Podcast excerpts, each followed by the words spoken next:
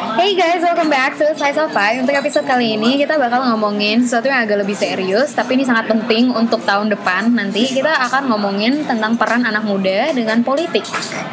Uh, jadi sekarang aku mengundang salah satu teman baruku, dia namanya Neil, dan dia adalah foundernya Generasi Melek Politik. Welcome Neil. Hi, Fly. Thank you for inviting me. Oke. Okay kita bakal ngomongin tentang politik dulu nih. Tapi pertama-tama gue pingin lo jelasin dulu tentang generasi eh tentang lo dulu malah. Okay. background lo apa? Sekarang mm -hmm. lagi aktifnya apa gitu. Oke. Okay. Hai guys. Kenalin nama gue Neil. Uh, dulu gue kuliah di komunikasi UI jurusan kajian media. Gue lulus tahun 2016 lalu gue kerja di sebuah NGO uh, eh, sebagai social media campaigner. Dan gue pindah ke salah satu partai politik progresif anak muda sebagai PR tapi gue cabut dan sekarang gue um, freelance ini aja sih communication consultant. Ya ada hubungannya sih sekarang sama 2019 tapi gue gak bisa sebutin siapa siapa ininya. Kandidat. Kandidat atau uh, kelompoknya. Oh, nah okay. jadi emang secara profesional gue lebih ke social media campaign di bidang sosial and politics Iya. Nah terus kalau untuk uh, generasi melek politik sendiri itu memang udah jadi NGO sekarang. Dan itu kenapa kenapa bikin? Karena pada dasarnya gue ini suka banget sama campaign kan kreatif campaign. Dan menurut gue ya politik itu kayak berat banget gitu loh. Kayaknya berantem mulu isinya. Pun kalau ada teori-teori ataupun um, pembahasan politik yang berat ya itu hanya orang-orang tertentu doang. Kayak misalnya lo anak-anak ilmu politik atau yang kuliah di sosial politik segala macam jadi gue pengen banget nih semua semua anak muda tuh ngerti soal politik dengan cara yang fun sama kayak lo lagi nonton series atau lo nonton nonton film kayak gitu. Kalau gue sih gitu. Dan umur gue ya masih milenial lah ya masih 25 iya. oh iya ya lo 93 ya soalnya ya? Iya. Oh iya, iya, iya, iya. Enggak tua. Jadi sebenarnya pertanyaan selanjutnya adalah tentang hmm. generasi melek politik. Iya, oke. Okay. Pertamanya lu mulai kapan? 2006 ah zamannya Pilkada DKI itu 2017 ya? 2017. 17 2017. 2017. Ya, ya. Oke, okay, tadi gue lupa ngasih tahu juga kalau Nil ini sebenarnya temannya Alfa. Iya, iya yang udah episode masuk, kemarin. Iya, iya, episode kemarin gitu. Dan Alfa juga aktif di generasi Malak Politik. Iya, betul. Sebagai salah satu co-founder kok dia si Alfa. Alfa juga salah satu co-founder ya. Jadi gue sangat curious nih sebenarnya kalian ngapain aja dan message apa yang kalian pingin kasih gitu ke anak-anak muda selain yang tadi sebenarnya lo udah sempet jelasin juga ya. Nah, sekarang ngomongin generasi Malak Politik dulu nih. Kita udah tahu berdirinya kapan. Tapi background storynya tuh cuma itu aja atau ada lagi sebenarnya Enggak soalnya pasti kan kalau sebelum mulai NGO pasti ada ada ceritanya dulu dong. Oke, okay, iya dong. Ngerti kan? Iyalah, personal storiesnya lah ya. Iya. Oke. Okay. Pasti ada ya ada proses di mana ya mungkin itu nggak terlalu enak atau gimana gitu, hmm. gimana cara lo ngelewatinnya dan juga kayak ya bisa sampai di sini gitu sekarang okay. hmm. oke. Okay. jadi gini Fai dulu gue juga sama lah. Mungkin beberapa ya lo ataupun teman-teman di sini lagi dengerin gue juga benci banget sama yang namanya politik. Gue ngerasa nggak ada gunanya lah politik. Berantem doang isinya perebutan kekuasaan yeah. DPR yang mencak-mencak kursi di Semenayan. Enak lah gue nggak politik. Tapi pada akhirnya ada hal personal di mana gue melihat pilkada DKI kemarin di mana oh gitu. Ya itu pencetusnya. So, apanya? Kayak uh, triggering effectnya. Iya iya. Karena gue gue gue salah satu fans beratnya salah satu kandidat uh, eh, DKI gubernur waktu itu. Dan gue ngerasa oh ada sebuah tenun kebangsaan yang sedang dirobek. Gue gue merasa gitu. Padahal gue ya udah gue merasa I think I have to do something. Gue nggak tahu apa gitu kan kayak karena kalaupun gue mengharapkan parpol ataupun mengharapkan yang lain ya udahlah gue capek berharap sama pemerintah juga kan nggak ada ini jadi gue mikir gimana ya caranya anak-anak muda atau masyarakat Indonesia tuh ngerti bahwa politik itu tuh udah sedang merusak nih um, solidaritas kita sebagai iya, bener, Indonesia bener banget. right? Iya. dengan adanya lo mengha menghalalkan untuk membunuh kafir lo mendemo lo menolak gubernur kafir yang menurut gue itu itu udah jelas di depan mata kita bahwa yeah. ini apa pun um, pilihan politik lo ya yeah. tapi kayak itu udah jelas lo bahwa itu lo lo udah melanggar hak asasi manusia yeah, ya itu kalau kita ngomong itu panjang lagi yeah. dan orang-orang entah kenapa jadi menggabungkan agama dan politik padahal agama itu kan urusan Oh, bener personal. bener bener bener bener dan sayangnya mereka nggak sadar bahwa mereka sedang dikelabui sendiri sama politik. Ah, oke, oke, dengan mereka sangat beragama atau mereka sangat ini banget lah intu banget sama agamanya dimanfaatkan oleh aktor politik bahwa agama yang bisa mendorong mereka untuk eh dimanfaatkan oleh orang-orang yang beragama ini untuk jadi masa dalam politik. Dan itu nggak cuma di Indonesia kok di, itu terjadi di Amerika juga kan bahwa eh, identitas itu dipakai untuk Oh, politik. iya, benar, entah benar, itu ras entah itu agama ya kan? Atau komunitas tertentu. Iya, Iya, dan gitu. nggak politik marketing juga kan, Iya, marketing, marketing juga, juga. pasti nyasarnya ke identitas juga kan niche Iya, iya, niche marketnya. Nah itu membuat gue ngerasa, waduh ini gila Indonesia udah udah udah darurat banget nih, Hmm. dan ini berhubungan sama politik. Jadi gue gue gue pengen banget padahal Indonesia punya partai politik yang kayak UK Labour atau kayak Demokrat di US, kandidat yang kayak Bernie Sanders, kandidat Oh, yang iya. kayak Hmm. Mungkin Obama berikutnya atau mungkin kayak si Jeremy Corbyn di, Corbyn di UK atau bahkan kayak di New Zealand ada anak sumuran kita masih 25 cantik gaul pinter dia udah masuk jadi member of parliament umur 25 tahun. Another bloody millennials yang selama ini orang mandang ah millennial cuman bisa bacot atau apa tapi ada loh banyak yang udah udah melek politik dan masuk ke politik. Dan terus ya udah tadinya cuma komunitas doang kayak oke kita bikinnya pendidikan politik kayak nggak ada kan em, di sekolah juga kita dapat PKN apa sih gitu. Iya, atau iya. ya udah gitu aja. Kayak Oh, history aja. Iya. PKN tuh belajar apa gitu? Keluarga negaraan apa Pancasila gitu Enggak kayak cuma cuma dasarnya kayak Garuda Pancasila tuh apa Iya kan? ada apa aja dia memegang apa di cengkramannya itu eh, tahu kan maksud gue gue aja sekarang udah, udah lupa simbol-simbol ya simbol dan juga kayak historinya aja gitu. Aduh, kalau kalau ngomongin simbol dengan Dan Brown aja tuh kayak yang ngomongin. Oke, gue kayak aduh, ini parpol juga nggak ada perannya sama sekali untuk pendidikan politik. Soalnya itu pra- itu kewajibannya parpol loh kalau asal kita tahu. Nah, setelah itu ya udah kita bikin yuk edukasi politik.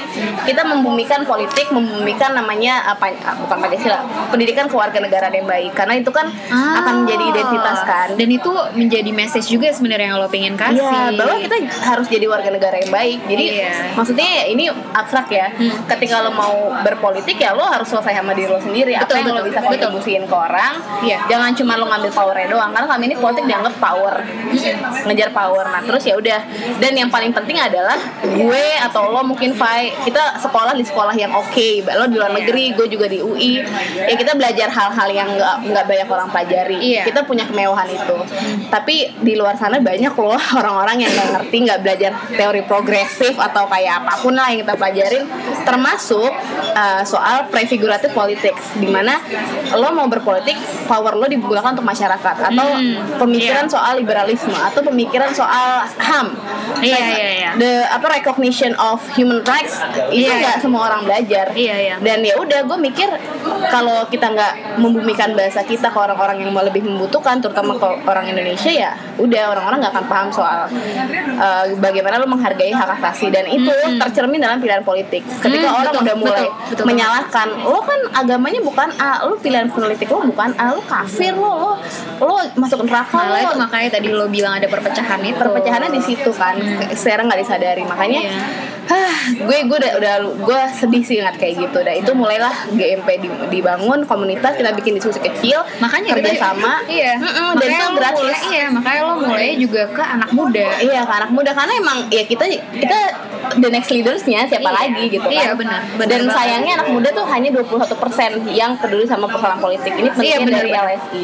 Dan itu sedangkan jumlah kita ada 65 juta. Lo bayangin berapa persen doang tadi yang tadi kata lo bilang dari 200-300 juta kita 65 jutanya jadi emang kita lumayan besar Gede, iya, lumayan iya. besar presentasi kita gitu Betul. makanya itu sebenarnya yang gue pengen ngomongin yang gue pengen ngomongin sekarang gitu soalnya we know uh, tahun depan kita ada bisa dibilang masa-masa yang paling kritis lah da- untuk pemilihan kepemerintahan di Indonesia kan Iya, iya. kita harus pilih presiden DPRD DPR Iya, juga kan bersamaan. nah mungkin yang paling bergengsi adalah pemilihan presiden Oke. tapi kita jarang melihat calon-calon DPR ataupun DPRD-nya benar nggak? Yep.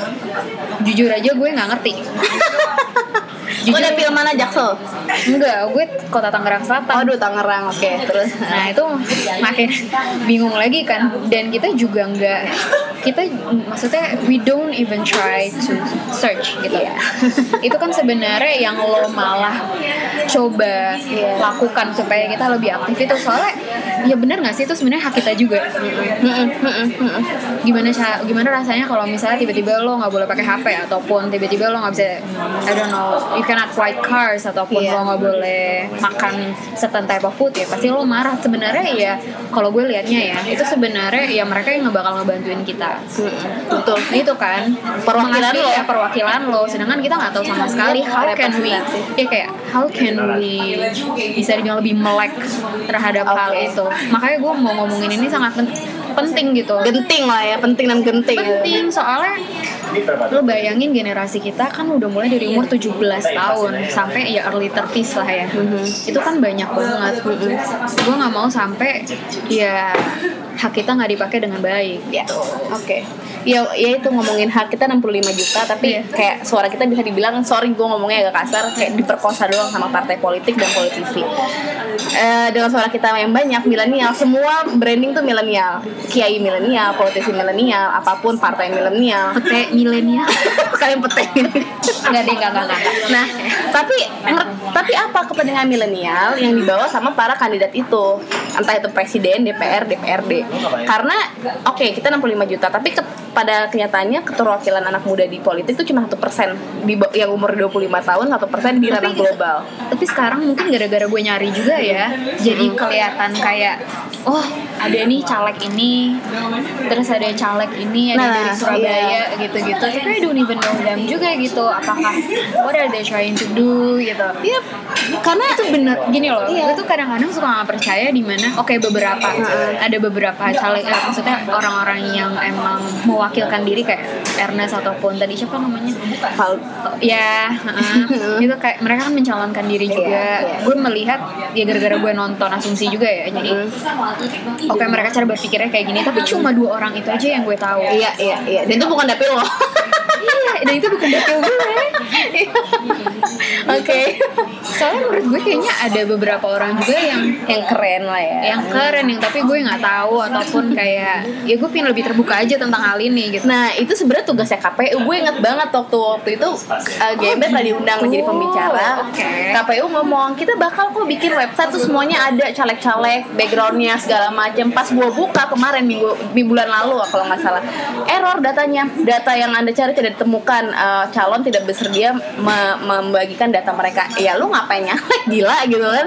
Ya lu kalau mau nyalek semuanya harus terbuka dong. Background lo, mungkin pendanaan lo segala macam Tapi KPU sendiri nih kritikan juga sih buat KPU uh, yang nggak itu nggak nggak ada datanya. Padahal itu harusnya ada di KPU data-data soalnya itu. menurut gue tuh hal ini tidak disosialisasikan. Iya, dan dia ngakunya udah sosialisasikan dan ini udah mau dekat 2019, cuman gue belum lihat tuh data dari caleg-caleg yang gini loh udah orang itu. iya soalnya kayak nilai aja tuh yang aktif politik loh Iya. maksudnya lo yang aktif emang nyari ataupun nyari Iya. informasi gitu lo aja nggak lihat apalagi kita yang Iya. bener awam Sosialisasi, kuncinya sosialisasi bener. gitu Bener. makanya gue pengen kayak kayak lo bilang gitu generasi melek politik ya lo harus melek gitu Iya.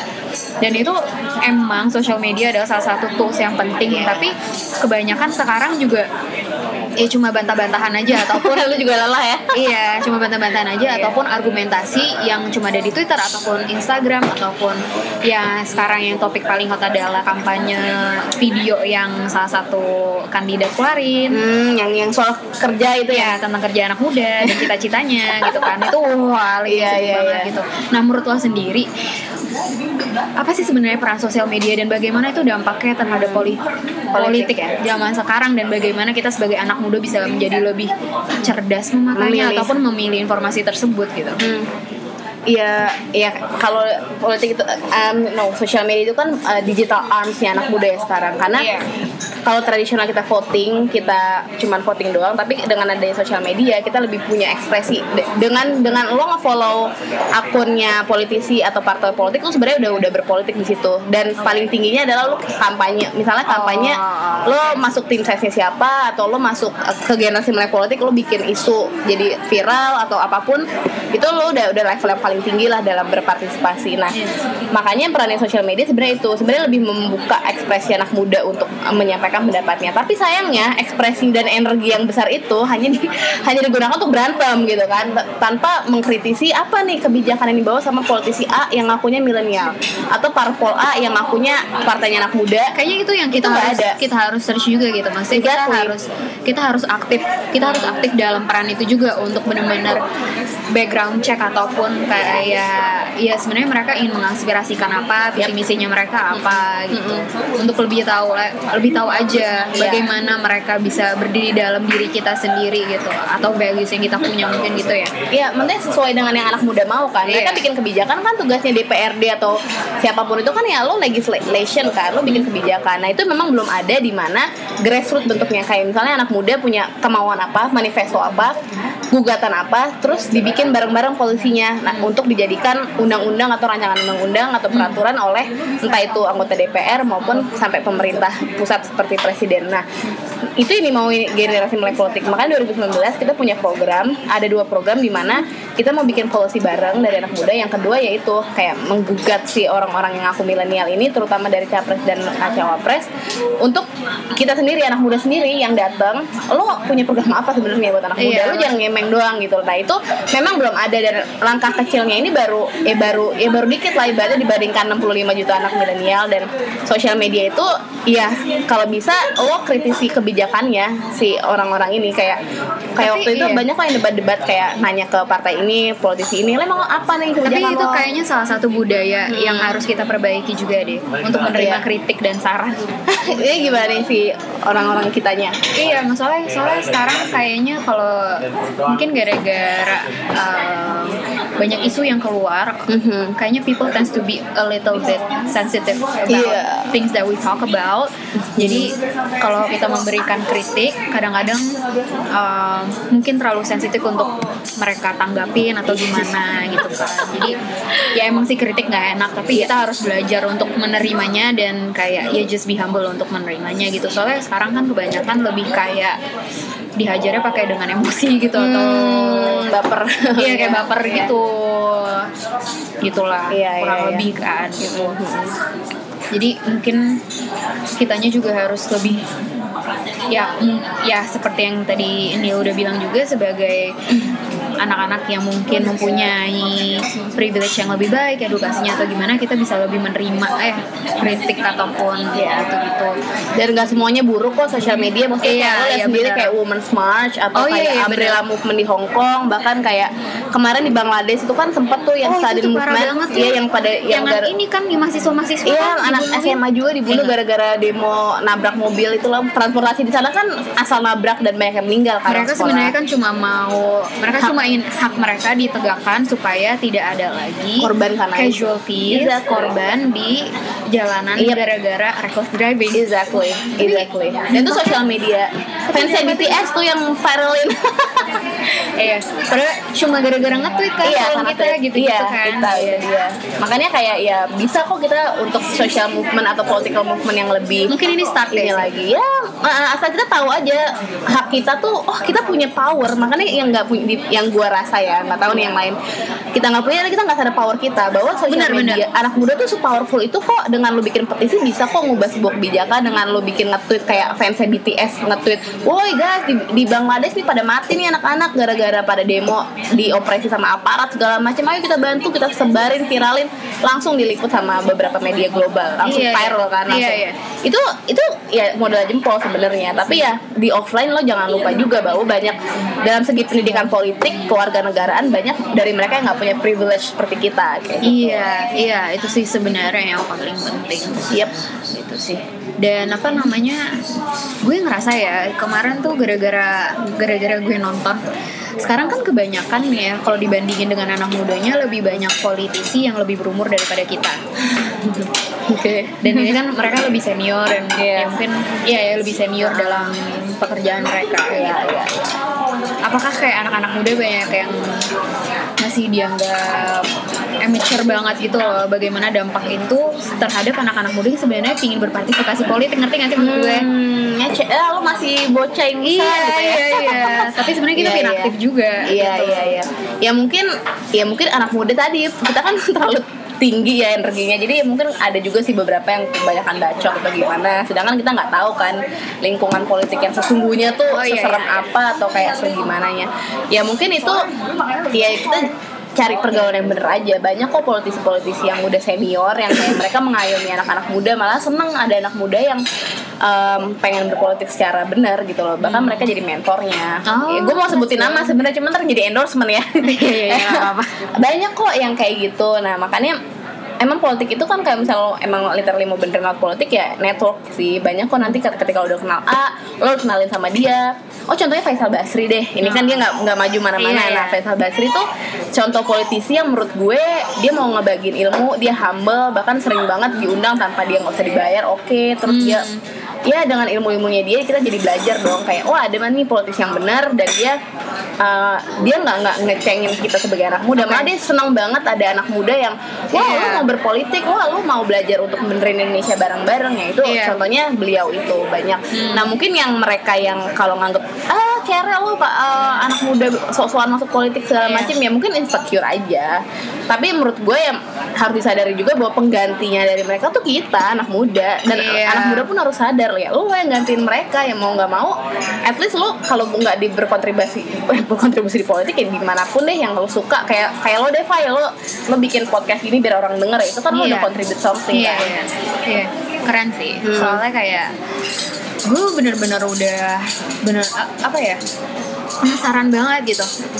Sebenarnya tuh kayak gimana gitu, apa yang kita bisa lakuin untuk Hmm. tahun depan dan bagaimana Iya, kita bisa iya. berkontribusi, gimana cara kita bisa membantu. Iya, nggak usah jauh-jauh deh negara ini, tapi at least kayak komunitas kita ataupun sesama anak muda ini. Soalnya gue tahu kalau sebenarnya power kita tuh besar. Yep. Salah satu tujuan dari podcast ini juga untuk benar-benar tahu potensi lo tuh kayak gimana. Iya, betul, betul, Untuk benar-benar tahu jati diri lo ataupun kayak your biggest strength tuh di mana. Yep, gitu. betul. Dari kayak gini kan mereka jadi, maksudnya kalau ada orang yang dengerin jadi oh sebenarnya politik is not very heavy. yes yes dan nggak sejati itu juga iya, nggak sih, nggak harus kayak gitu terus soalnya kan ya you you know that Iya. media berperan sangat besar dalam ini. sosmed ya tapi Iya, kalau nggak harus sosmed loh, TV juga TV, loh. media konvensional media konvensional dan itu kan secara tidak langsung mempengaruhi gagasan kita ataupun cara berpikir kita. Mm-mm, betul banget. Emang iya emang iya. Iya kan sayangnya Indonesia tuh kan pasti selalu dapat tiga besar ya pengguna sosmed. Nih gue ngomong sosmed juga ya karena Iya. kan politik lagi deket nih. Iya. tapi 45 negara terbesar yang punya media literasi atau kemampuan melek media berpikir kritis sebelum ama, ma- lo makanin konsum eh, mengkonsumsi me- eh, konten yang ada di sosmed kita 45 besar tuh nggak ada. Mereka dikuasain tetap sama negara-negara Skandinavia kayak Finland Oh, uh, Swedia segala macem. Indonesia nggak ada. Nah itu menjawab kenapa kita ngeliat berantem mulu di Twitter banyak yang kemakan hoax? Karena emang kita nggak punya kemampuan media literasi. Sekali lagi ini privilege lagi yang yang dapetin paling anak-anak yang kuliah di komunikasi mungkin. Gua waktu itu gue dapat dan ya anak-anak SMA nggak ada. Sedangkan di negara-negara eh, Skandinavia dari SD sampai SMA tuh udah ada kurikulum media literasi. Kita nggak ada. Lo lo lo eh, media savvy lo ngerti gunain semua teknologi tapi bukan berarti lo media literate. Karena Iya, lo belum, iya. ber- belum berarti lo kritis satu eh, teknologi tuh bikin ada namanya fitur echo chamber. Fitur di mana lo tuh yang ada lo konsumsi di Instagram lo scrolling itu berdasarkan interest lo lo suka K-pop lo pasti yang di explore Iya, emang Instagram bener, lo K-pop semua kan? Iya dan sama di Facebook pun sama itu otomatis lo nge-like apa. Nanti ujung-ujungnya kalau iya emang nanti uh, kayak Dan tuh- advertisingnya juga iya, gitu semua. preferensi politik pun sama. Kalau lu kanan atau lu konservatif ya udah lu akan di itu ini sama uh, iklan-iklan politik yang konservatif sesuai dengan ini Oh, lo. iya, iya. Jadi Iya. itu makin sebenarnya bikin lo makin bigot ibaratnya media Ah. sosial. Oke satu sisi lain dia demokratis nih, lo bikin makin berekspresi segala macam. Tapi satu sisi itu makin lo bigot karena adanya fitur-fitur itu echo chamber dan itu membuat lo jadi confirmation bias lo nggak bisa uh, mikir kritis lagi atas atas uh, konten yang lo konsumsi. Sama filter bubble yang tadi yang ada likes ada Hmm. atau lo nge-like apa lo nge-share apa sesuai dengan pandangan politik lo dengan interest lo itu akan terus terusan ada dan wajib dan ini menjadi masalah buat Facebook kan waktu Trump itu menang gara-gara itu juga. Karena Oh. dia ngambil datanya Facebook kalau nggak salah lalu iklannya tuh munculnya Trump semua segala Ah, macam. Nah itu ya makanya tadi itu media literasi itu sih. Gue nggak ngerti cara ngejelasin ntar panjang lagi tapi ya itulah ntar googling aja semuanya gitu. makanya kayak makanya sebenarnya untuk makanya tadi lo sempat ngomong juga Hmm. bahwa untuk kalau bisa berpolitik ataupun Hmm. mempunyai eh, mempunyai stand di suatu pihak politik atau gimana itu lo harus mempunyai apa namanya personalitas ataupun identitas diri yang bener-bener lo tahu diri lo sendiri Mhm. gitu supaya lo nggak Iya. segampang itu ke bawah berita hoax Iya. ataupun ya itu tadi media Kritis. literasi jadi lo bisa kritis gitu dan emang lo harus membuka diri lo untuk seperti itu kan Iya. Itu. jadi guys coba di jangan terlalu dimakan beritanya jangan Iya, terlalu betul. kepicu dengan berita-berita yang ada di luar sana Iya. karena itu sebenarnya ya itu ya, Lo bias. iya itu bias gitu Dan lo kayak membenarkan apa yang lo baca sebenarnya tanpa Iya. lo konfirmasi ulang. Iya, jadi knowing yourself better Yep. first, knowing your values, Research. Iya, lo research juga di kandidatnya siapa-siapa aja, biar lo tahu hak lo tuh bisa kayak gimana. Dan sebenarnya lo nggak harus masuk kayak bener-bener masuk partai politik gitu. Even kayak ikut komunitas ini untuk membuka pikiran aja itu juga udah oke. Iya, even berpartisipasi mau- kok. Iya, even membuka diri lo untuk mendengarkan podcast ini aja udah lumayan oke gitu. Even untuk kayak cuma ya lo bikin petisi atau apa Hmm, hmm, untuk kesejahteraan komunitas lo Lo bikin ataupun komik, bikin Iya. YouTube gitu. soalnya gue baru tahu bahwa sebenarnya politik nggak harus begitu berat Exactly, ya. Jadi dengan lo kayak gini, P lo udah berpolitik lo, lo berpartisipasi politik karena lo exactly right. Karena lo pengen orang tuh ngerti emang apa sih politik, apa gimana cara kita uh, menghadapi tahun depan segala itu udah Iya. berpartisipasi sebenarnya. iya kayak penasaran aja gitu Mhm. Dan biar orang terbuka bahwa nggak harus seberat itu Yap, betul. nggak harus seberat kayak lo nonton skandal atau kayak House of Oscars itu nanti kali kalau lo udah masuk.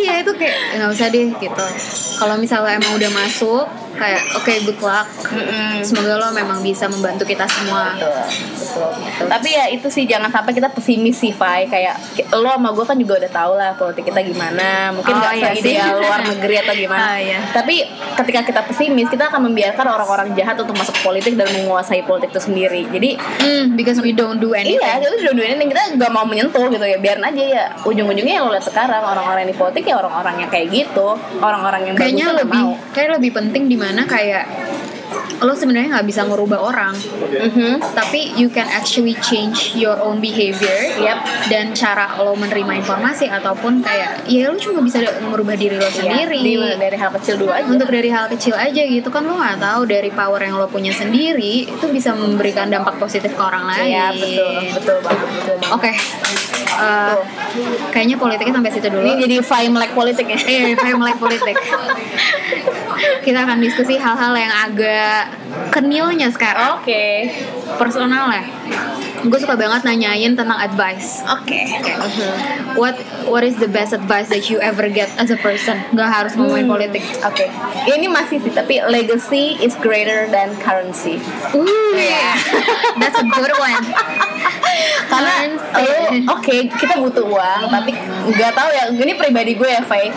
Gue kalau ketika lo ngejar duit doang itu rasanya kosong aja. Kayak Tapi emang iya sih. Hmm. Gue juga gue berpikiran yang sama juga. Soalnya kayak em, ya ada beberapa cerita dan juga dari beberapa author juga yang emang dia udah interview apa namanya world class performers. Kebanyakan yang dia kenal juga kalau misalnya memang tujuannya itu cuma money money doang, there's something missing in their lives yang membuat mereka miserable gitu. Iya, iya.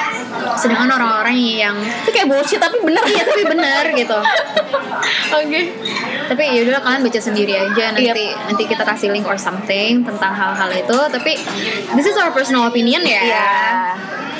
Kita berpikir kritis nih. Iya, ya lo lo terserah lo mau ngejar apa pun. iya terserah lo. Tapi ya menurut gue Daniel seperti itu. Soalnya i- i- ada satisfaction aja gitu kalau misalnya bukan uang doang gitu.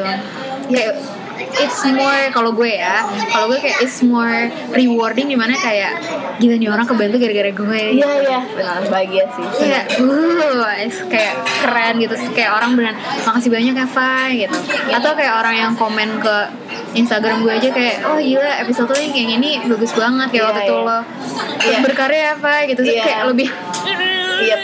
my heart gitu Benar-benar Fai, benar banget asli. Maksudnya ya ya beda-beda sih tiap orang tapi ya benar itu ka- ketika lo ber- ngerasa berdampak itu senang banget sih lo Iya iya iya.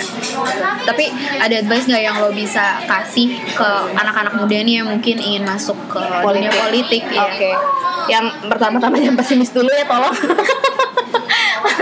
Aduh lah, gue juga lelah kalau politik zaman sekarang kayak orang-orang gitu-gitu aja. Tapi tenang, kalau menurut Philip Vermonte, eh, eksekutif direkturnya CSIS Indonesia, dia bilang 2024 tuh bakal jadi turning point buat kita semua, di mana orang-orang lama, orba segala macam tuh udah selesai, diganti dengan wajah-wajah baru. tahun lagi tuh? Ini ya lima tahun lagi lah, 2024. Oh pas tuh cita-cita gue tuh Iya lima tahun betul lagi. kan lima tahun lagi. Iya.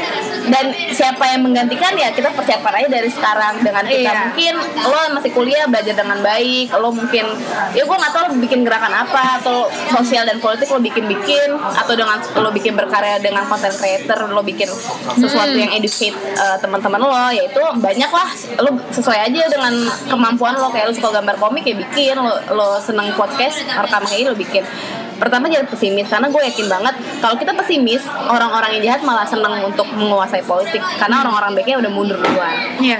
yang kedua eh, coba eh, coba lo pikirin privilege apa yang lo punya And use it. and use it gitu loh kayak Iya, nggak kayak- semua orang punya pendidikan kayak kita punya Iya. keluarga yang mungkin kita mampu jadi kita bisa mikirin hal-hal yang kayak gini-gini gitu kan iya. nggak cuma nyari duit ya udah kita mungkin bisa bagiin entah lo bikin diskusi kecil dengan teman-teman lo atau kayak bikin, lo ikut kegiatan kerelawanan atau lo I don't know mungkin kayak Faye bikin-bikin bikin podcast, kayak gini kayak gitu-gitu Keren sih. Oke. Kayaknya gue nggak mau nanya apa-apa lagi. Tinggal pertanyaan terakhir. Do you have Hmm. any recommendations that inspires you right now? Bisa orang, Oke.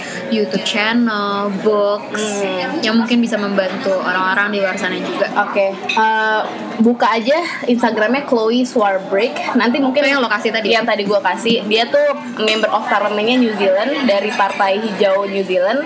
Dia seumuran kita, masih 24 Dia pinter banget, keren, milenial yang gaul, tapi dia udah masuk politik dan dia punya policy seperti mental health bill, terus mau legalisasi ganja untuk kesehatan, terus sama yang terakhir education free education for college gitu-gitu. Dan menurut gue itu keren banget dia masih muda tapi dia udah ngomongin policy di, dan dia member of parliament. Menurut gue dia inspiring banget buat buat kita kita bahwa politik tuh nggak politik tuh nggak seberat itu kok dia buktinya anak muda biasa aja Iya, yang iya. yang kayak kita kita gini dan dia berjuang di politik yang kedua mungkin ya Michelle Obama kali ya karena dia alpha female parah gitu kan kayak Gue suka banget sih. parah kan Gue gue baru beli bukunya yang baru. oh iya Yang Becoming. aduh gue belum itu mahal banget gue nih tuh sama teman gue yang di US. Iya, iya, Jadi iya. jatuhnya kan lebih murah kan. Hmm, parah Nanti kita Udah baca belum? Belum, Lu belum udah belum buku aja kali abis ini Iya, iya, belum. Belum sampai bukunya, tunggu teman gue pulang. Itu aduh, Asli lu, itu keren sih dia sumpah ya, gue tuh nonton yang interview dia sama Oprah. Hmm Wah, itu kayak bener-bener gila dalam pikiran dia gitu. It's very apa ya, mind opening banget Dia gitu. di belakang di belakang seorang laki-laki hebat tuh ada perempuan Perempuan hebat. hebat, emang ingat bener, ya. Seksis. tapi gue selalu percaya itu sih. Iya, Nggak, iya, tapi betul. nggak nggak ngeliat seks juga tapi menurut gue di Equal. setiap di balik orang hebat pasti ada orang hebat lagi Iya. jadi gue emang selalu percaya bahwa kalau misalnya pengen jadi orang hebat bergaul dengan orang hebat Betul, betul. keep yourself surrounded by eagles not Iya. pigeons gitu Iya, betul banget. Aduh. Karena- Terlalu ngejat spotlight doang gitu ya, tapi Iya, nggak ada impact. tapi apa-apa jadi itu aja sih guys thank you so much for listening thank you Yeah, thank you for inviting me too. Bye, see you guys. belum gue Eh belum, belum Eh jangan lupa follow ya generasi Mac politik di Oh iya, Instagram. iya. Oh iya nanti gue tag juga di Instagram. Oke jadi eh, apa tadi gue ngomong? Oh ya, thank you so much for listening guys. Jangan lupa di like dan juga di follow di anchor.fm slash atau di aplikasi Anchor. Jangan lupa didengerin juga bisa didengerin di Spotify, Google Podcast dan juga Apple Podcast. Jangan lupa di I don't know itu di follow di Spotify dan jangan lupa dikasih applause-nya ya. Thank you so much dan juga ja- tadi kata Neil jangan lupa follow generasi Melek Politik dan juga Instagramnya Neil juga boleh. Bye guys, thank you so much for listening.